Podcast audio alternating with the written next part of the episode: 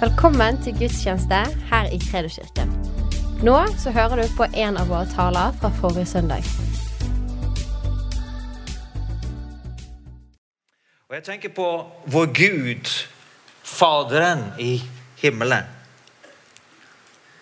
Han hadde to barn, de første menneskene som han skapte. Adam og Eva, som gjorde opprør mot han i Edens hage. Adam og Eva var hans mesterverk. De var skapt i hans eget bilde. De var hans eget kjøtt og blod, for å si det på den måten. De var langt mer verdt enn naturen som han hadde skapt. De var langt mer verdt enn fiskene og fuglene og dyrene. og Til og med universet, med milliarder av stjerner og galakser, kunne ikke måle seg med betydningen av disse to. Sol og måne hadde han skapt for å skille på dagene for dem. Livet skulle bestå av både arbeid og hvile. Han hadde jo skapt alt for dem. For at de skulle nyte av det, og at de skulle ta vare på det han hadde skapt. Adam fikk i oppdrag til og med å gi navn til dyrene. Og de skulle være med og utbre Guds herlighet over jorda. Men så leser vi at de spiste av den eneste frukten. Det var én frukt, ett frukttre han hadde sagt de ikke skulle røre. Det var forbudt for dem å smake av det treet. Kunnskapen om godt og vondt. Denne mannen og denne kvinnen som betydde mest for Gud, som ga ham den største glede, så var hans egen familie, hans barn, de var også hans venner. Nå svikta de så totalt. De solgte sin lojalitet til djevelen. Guds fiende. De åpna opp for mørket. De ble kjent med synden, de ble kjent med ondskapen. Og vi leser at etter hvert som deres etterkommere vokste i antall og bredte seg utover jorden, så fortsatte ondskapen å bare øke og øke. Mennesket hadde sin glede i vold, i hat, i avgudsdyrkelse. Det gikk så langt at det står at Gud angra.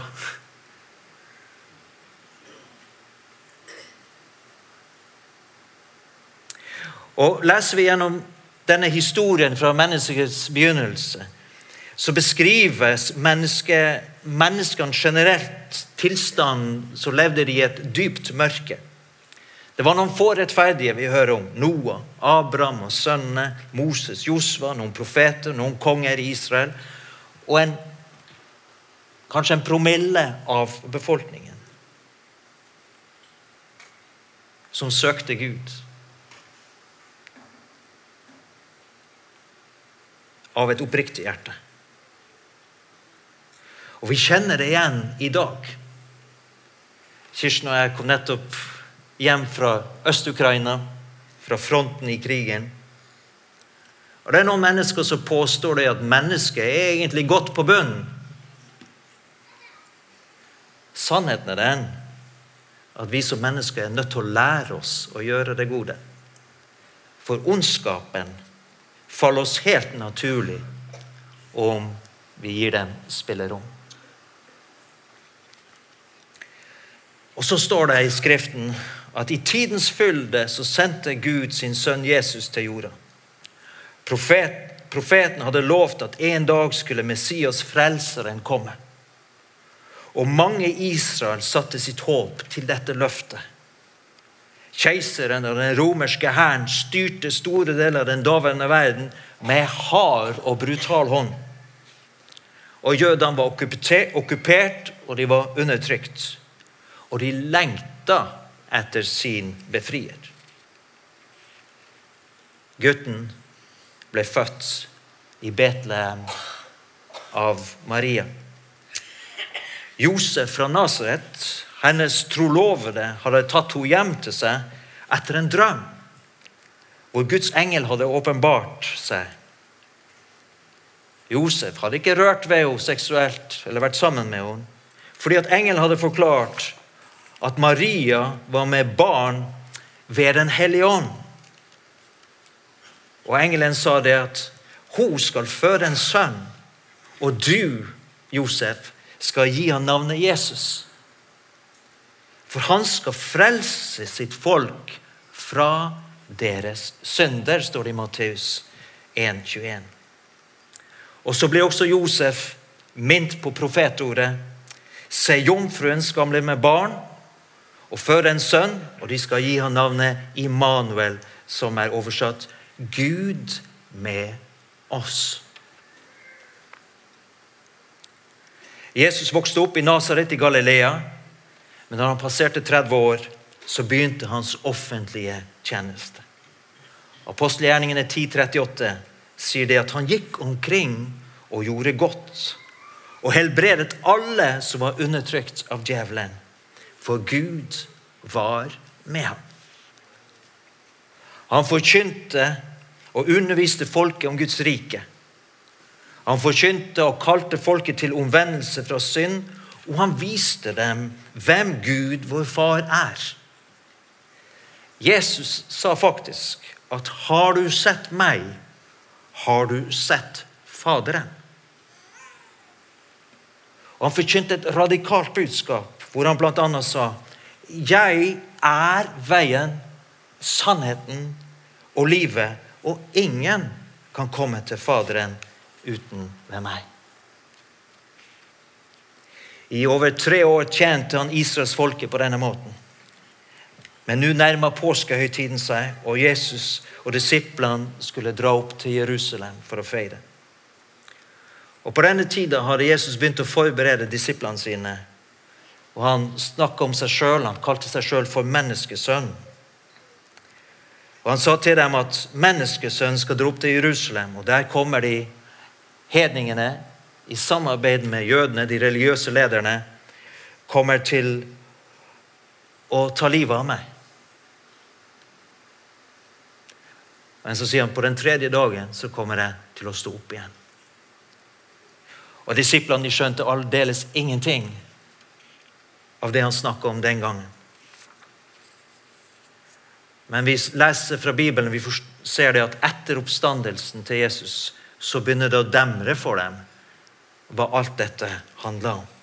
Det begynte å gi mening. Når Jesus sjøl forutså hva som kom til å skje, så melder spørsmålet seg hvorfor var dette nødvendig? At Jesus måtte dø for siden å stå opp igjen. Og Vi vet flere ganger at Jesus sier det at det, det er nødvendig for at Skriftene skal gå i oppfyllelse. Og etter hvert som vi studerer Bibelen og blir kjent med evangeliene og brevlitteraturen, så skjønner vi mer og mer at det Jesus gjorde og sa før han døde på korset, ikke minst det han sa mens han hang på korset, og det han sa etter oppstandelsen, begynner å forklare hvorfor dette var nødvendig. Det, det, det, vi skal vite helt sikkert, det er at det var ingen som kunne ta Jesus sitt liv. Vi har nettopp feira påske. Men I tre år prøvde de å ta livet av han, de religiøse lederne, men de fant ingen mulighet eller anledning til å ta ham. Det var ikke mulig å ta ham. Men nå nærmer det seg tiden som profeten hadde forutsett. Etter påskemåltidet feira Jerusalem, så innstifta han nattverden. Og så ser vi at Jesus overgir seg sjøl til mørket. Og han gir seg over til ekstremt onde mennesker sin makt. Men igjen så lurer vi på hvorfor. Hvorfor gjorde du dette, Jesus? I Getsemanehagen så leser vi at Jesus ber til sin far med en sånn intensitet og en sånn angstfylt røst Hans sjel er dypt bedrøvet. Like til døden, står det. Og han ba. Abba, far. Alt er mulig for deg. Ta dette begeret bort fra meg. Men ikke som jeg vil, men som du vil. Den dype angsten og presset var så intenst, sier Bibelen, at svetten ble som store bloddråper som falt ned på jorden. Lukas 22, 44. Hvorfor, Jesus, opplevde du dette?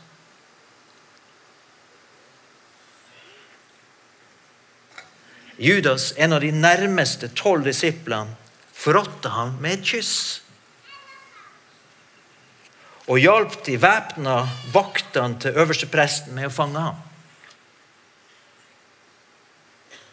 I tumultene grep disippelen Peter til sverdet og hogg øret av øversteprestens tjener. Jesus stoppa Peter og sa, 'Stikk sverdet ditt tilbake i sliren.' Eller tror du ikke at jeg i denne stunden kan be min far, og han vil sende meg mer enn tolv legioner engler? Men så sier Jesus noe forunderlig. Sånn. Men hvordan kunne da Skriftene bli oppfylt? Som sier at det må skje på denne måten.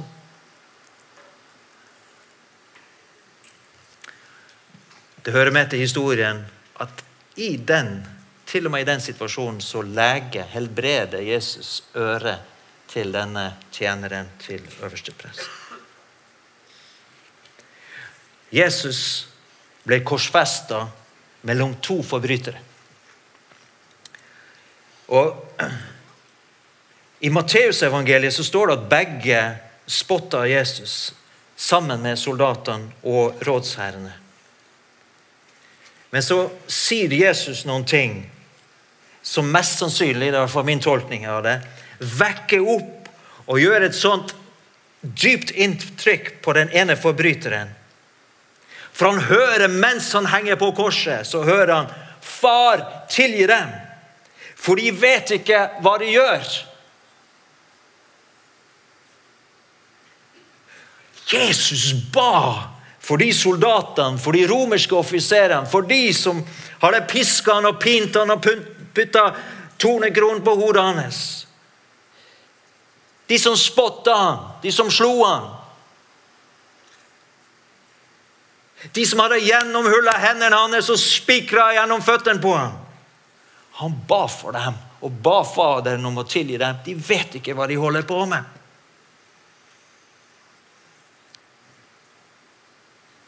Jeg tror at et sverd gikk inn i den ene røverens eller forbryterens hjerte mens han hang på korset. Så forteller Lukas evangeliet En av forbryterne som hang der, spotta Jesus og sa Hvis du er Kristus Tenk å drive og spotte mens du henger og skal dø. Det er helt ufattelig. Har du krefter og tid til det? Men det gjorde han. Så frels deg selv med oss! Men den andre tok til motmæle. Refsa han og sa, 'Frykter du ikke engang Gud når du ser at du er under samme dom?' Vi er det med rette, for vi får den lønn vi fortjener for våre gjerninger. Men denne har ikke gjort noe galt. Så sier han til Jesus, 'Herre, husk på meg når du kommer i ditt rike.'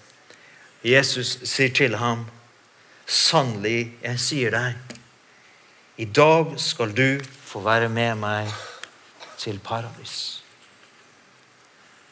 Var det derfor Jesus hang på korset?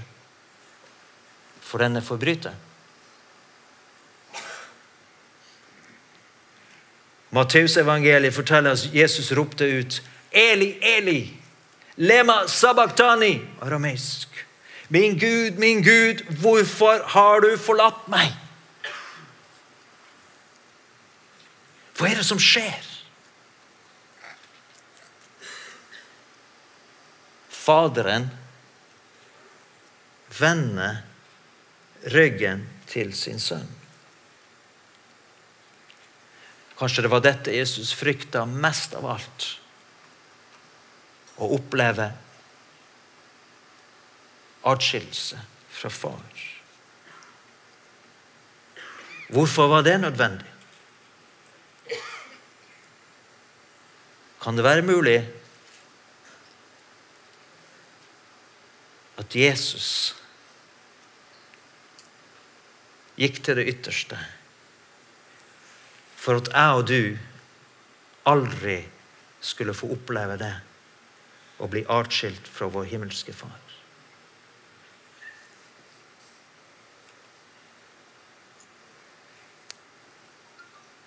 Når Jesus har hengt seks timer på korset, så sier han det er fullbrakt.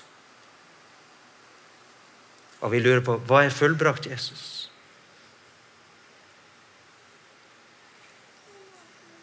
Og så roper han høyt. Far, i dine hender overgir jeg min ånd. Og Da forteller Bibelen at den romerske offiseren som hadde, var ansvarlig for hele korsfestelsen, mest sannsynlig, han sto nær til korset. Og så hørte han og så det som hendte. Og av alle korsfestelsene som han hadde vært vitne til, hadde han aldri sett noen dø på denne måten. Noen som sjøl bestemte når han skulle dø, og pusta ut sitt siste åndedrag på denne måten. Og så sier Skriften det at denne romerske offiseren sier sannelig, dette mennesket var rettferdig. Og et annet sted sannelig, dette mennesket var Guds sønn. Det virka som han ropte det av ren forskrekkelse.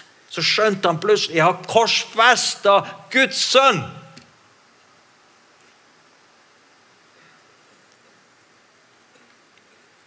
Var det for denne offiseren at Jesus hang på korset?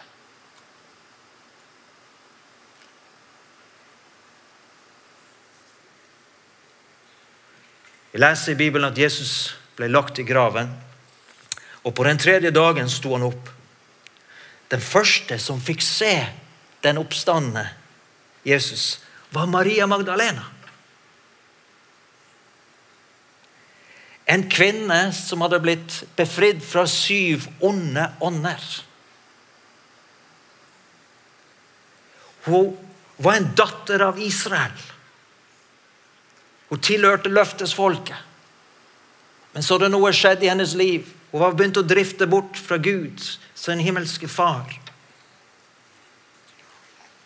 Hun var blitt fortapt. Kanskje utstøtt av samfunnet. Men så hadde det kommet en mann langs veien i Galilea som hadde befridd henne og helbredet henne. Og denne mannen Hun visste ikke hva godt hun kunne gjøre for denne Jesus. Hun elsket han så inderlig og dypt.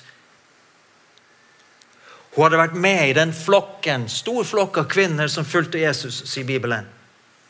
Og En stor gruppe kvinner fulgte med litt på avstand når de så Jesus ble korsfesta på korset. Og de gråt, og de sørga. Maria Magdalena hadde vært med på hele reisen sammen med disiplene. Og nå hadde hun vært vitne til korsfestelsen og var full av sorg og skrekk. Men nå var hun kommet til graven for i det minste å stelle den døde kroppen til Jesus. Salve denne kroppen. Det var det siste hun kunne gjøre for ham. Og Det står at hun var utenfor graven, og hun gråt. Og helt sikkert fortvila og forvirra. Og så ser hun at graven er tom. Og så ser hun da en som hun trodde var hagevokteren. Som muligens visste hvor kroppen til Jesus var lagt hen, så hun spør. Og da hører hun en røst som sier, 'Maria'.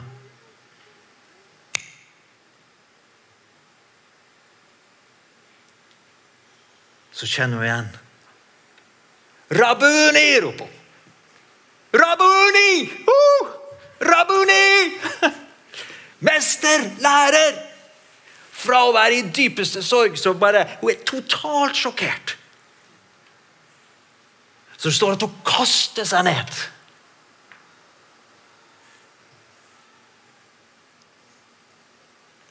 Og så kan Du kan se deg for deg, så sier Jesus Maria, du kan ikke holde fast i meg. ikke hold meg fast, for jeg har ennå ikke gått hjem til min far. Men så gir han henne et oppdrag. Han sier til henne, 'Gå og fortell mine brødre' og si til dem:" 'Jeg farer opp til min far og deres far og til min Gud og deres Gud'. Var det denne kvinna som Jesus døde for?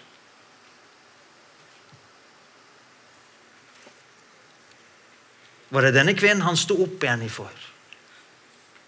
Helt sikkert. Men hvis vi leser også videre i Bibelen, så skjønner vi det at Jesus døde for alle mennesker. Han døde for den romerske offiseren. Han døde for denne forbryteren. Han døde for denne utstøtte kvinnen. Og mange, mange mer. Han døde også for noen av fariseerne som begravde Jesus, som var av de lovlærde. Men Bibelen sier det at problemet er at alle har syndet. Og Romerbrevet 3,23 sier for alle har syndet og mangler Guds herlighet.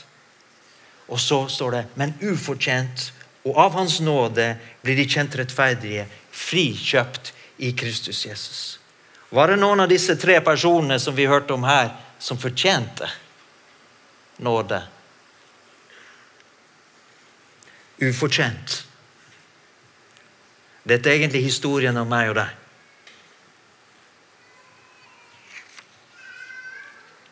Alle disse som vi har lest om, fikk oppleve Guds ubegrensa nåde.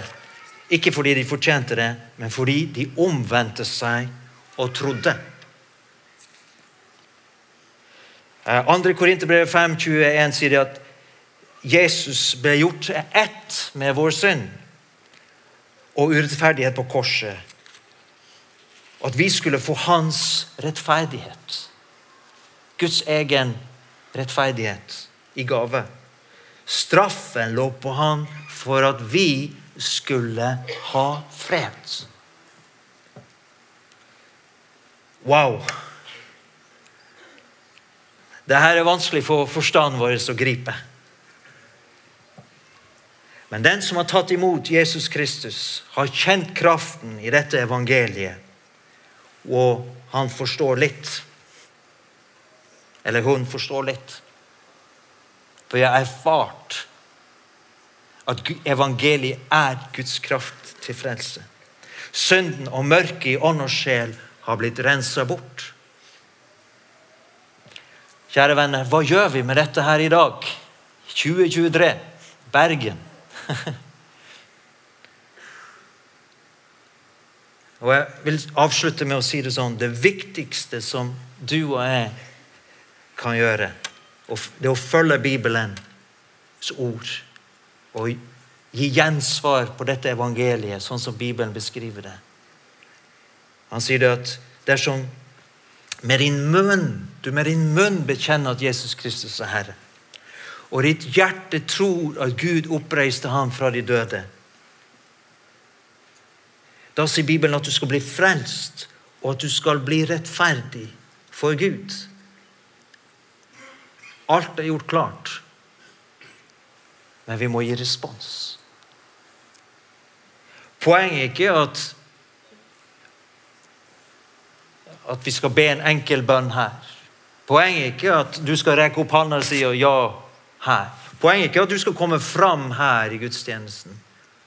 Det som er viktig for Gud, det er den beslutningen som tas i ditt indre her og nå. Og når du går ut av dette rommet her,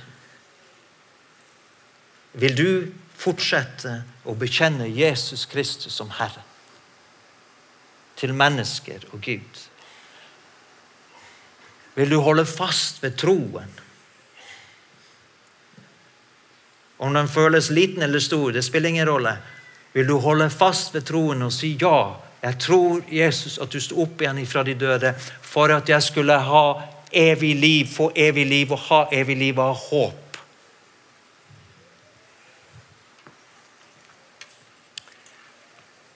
At du vil følge Jesus av hele ditt hjerte. Det er det som betyr noe. Og jeg tenker det, og jeg sier også til du som følger med på skjermen Du sønn og datter. Det er tid for å komme hjem til din himmelske far. Det er der du hører hjemme. Kom hjem. Han venter på deg. Du som er i dette rommet her.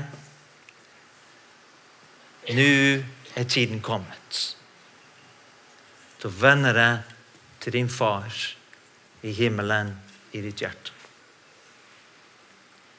Legge bort alle unnskyldninger, alle forklaringer, alle innvendinger. Bare si ja til Han. Så vil Han forklare for deg de tingene som vi ennå ikke forstår.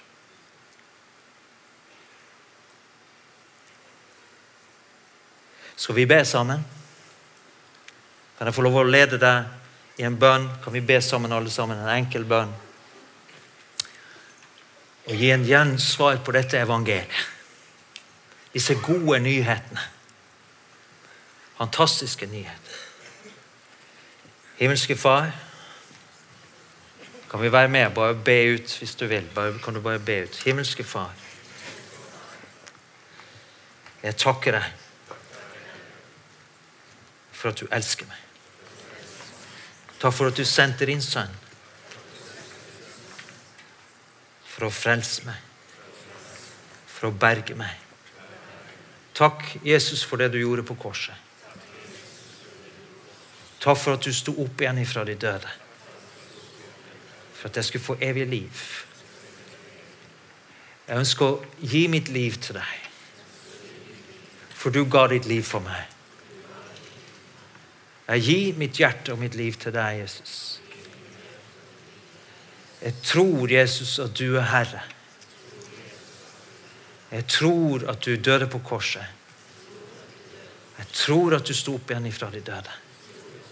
Og Det vil jeg basere hele mitt liv på. Det vil jeg satse alt på. Og jeg takker deg for at du er den som forandrer mitt liv. Priser deg for det, Herre. Tusen takk for at du lyttet. Følg oss gjerne på Instagram og Facebook, og så snakkes vi neste uke.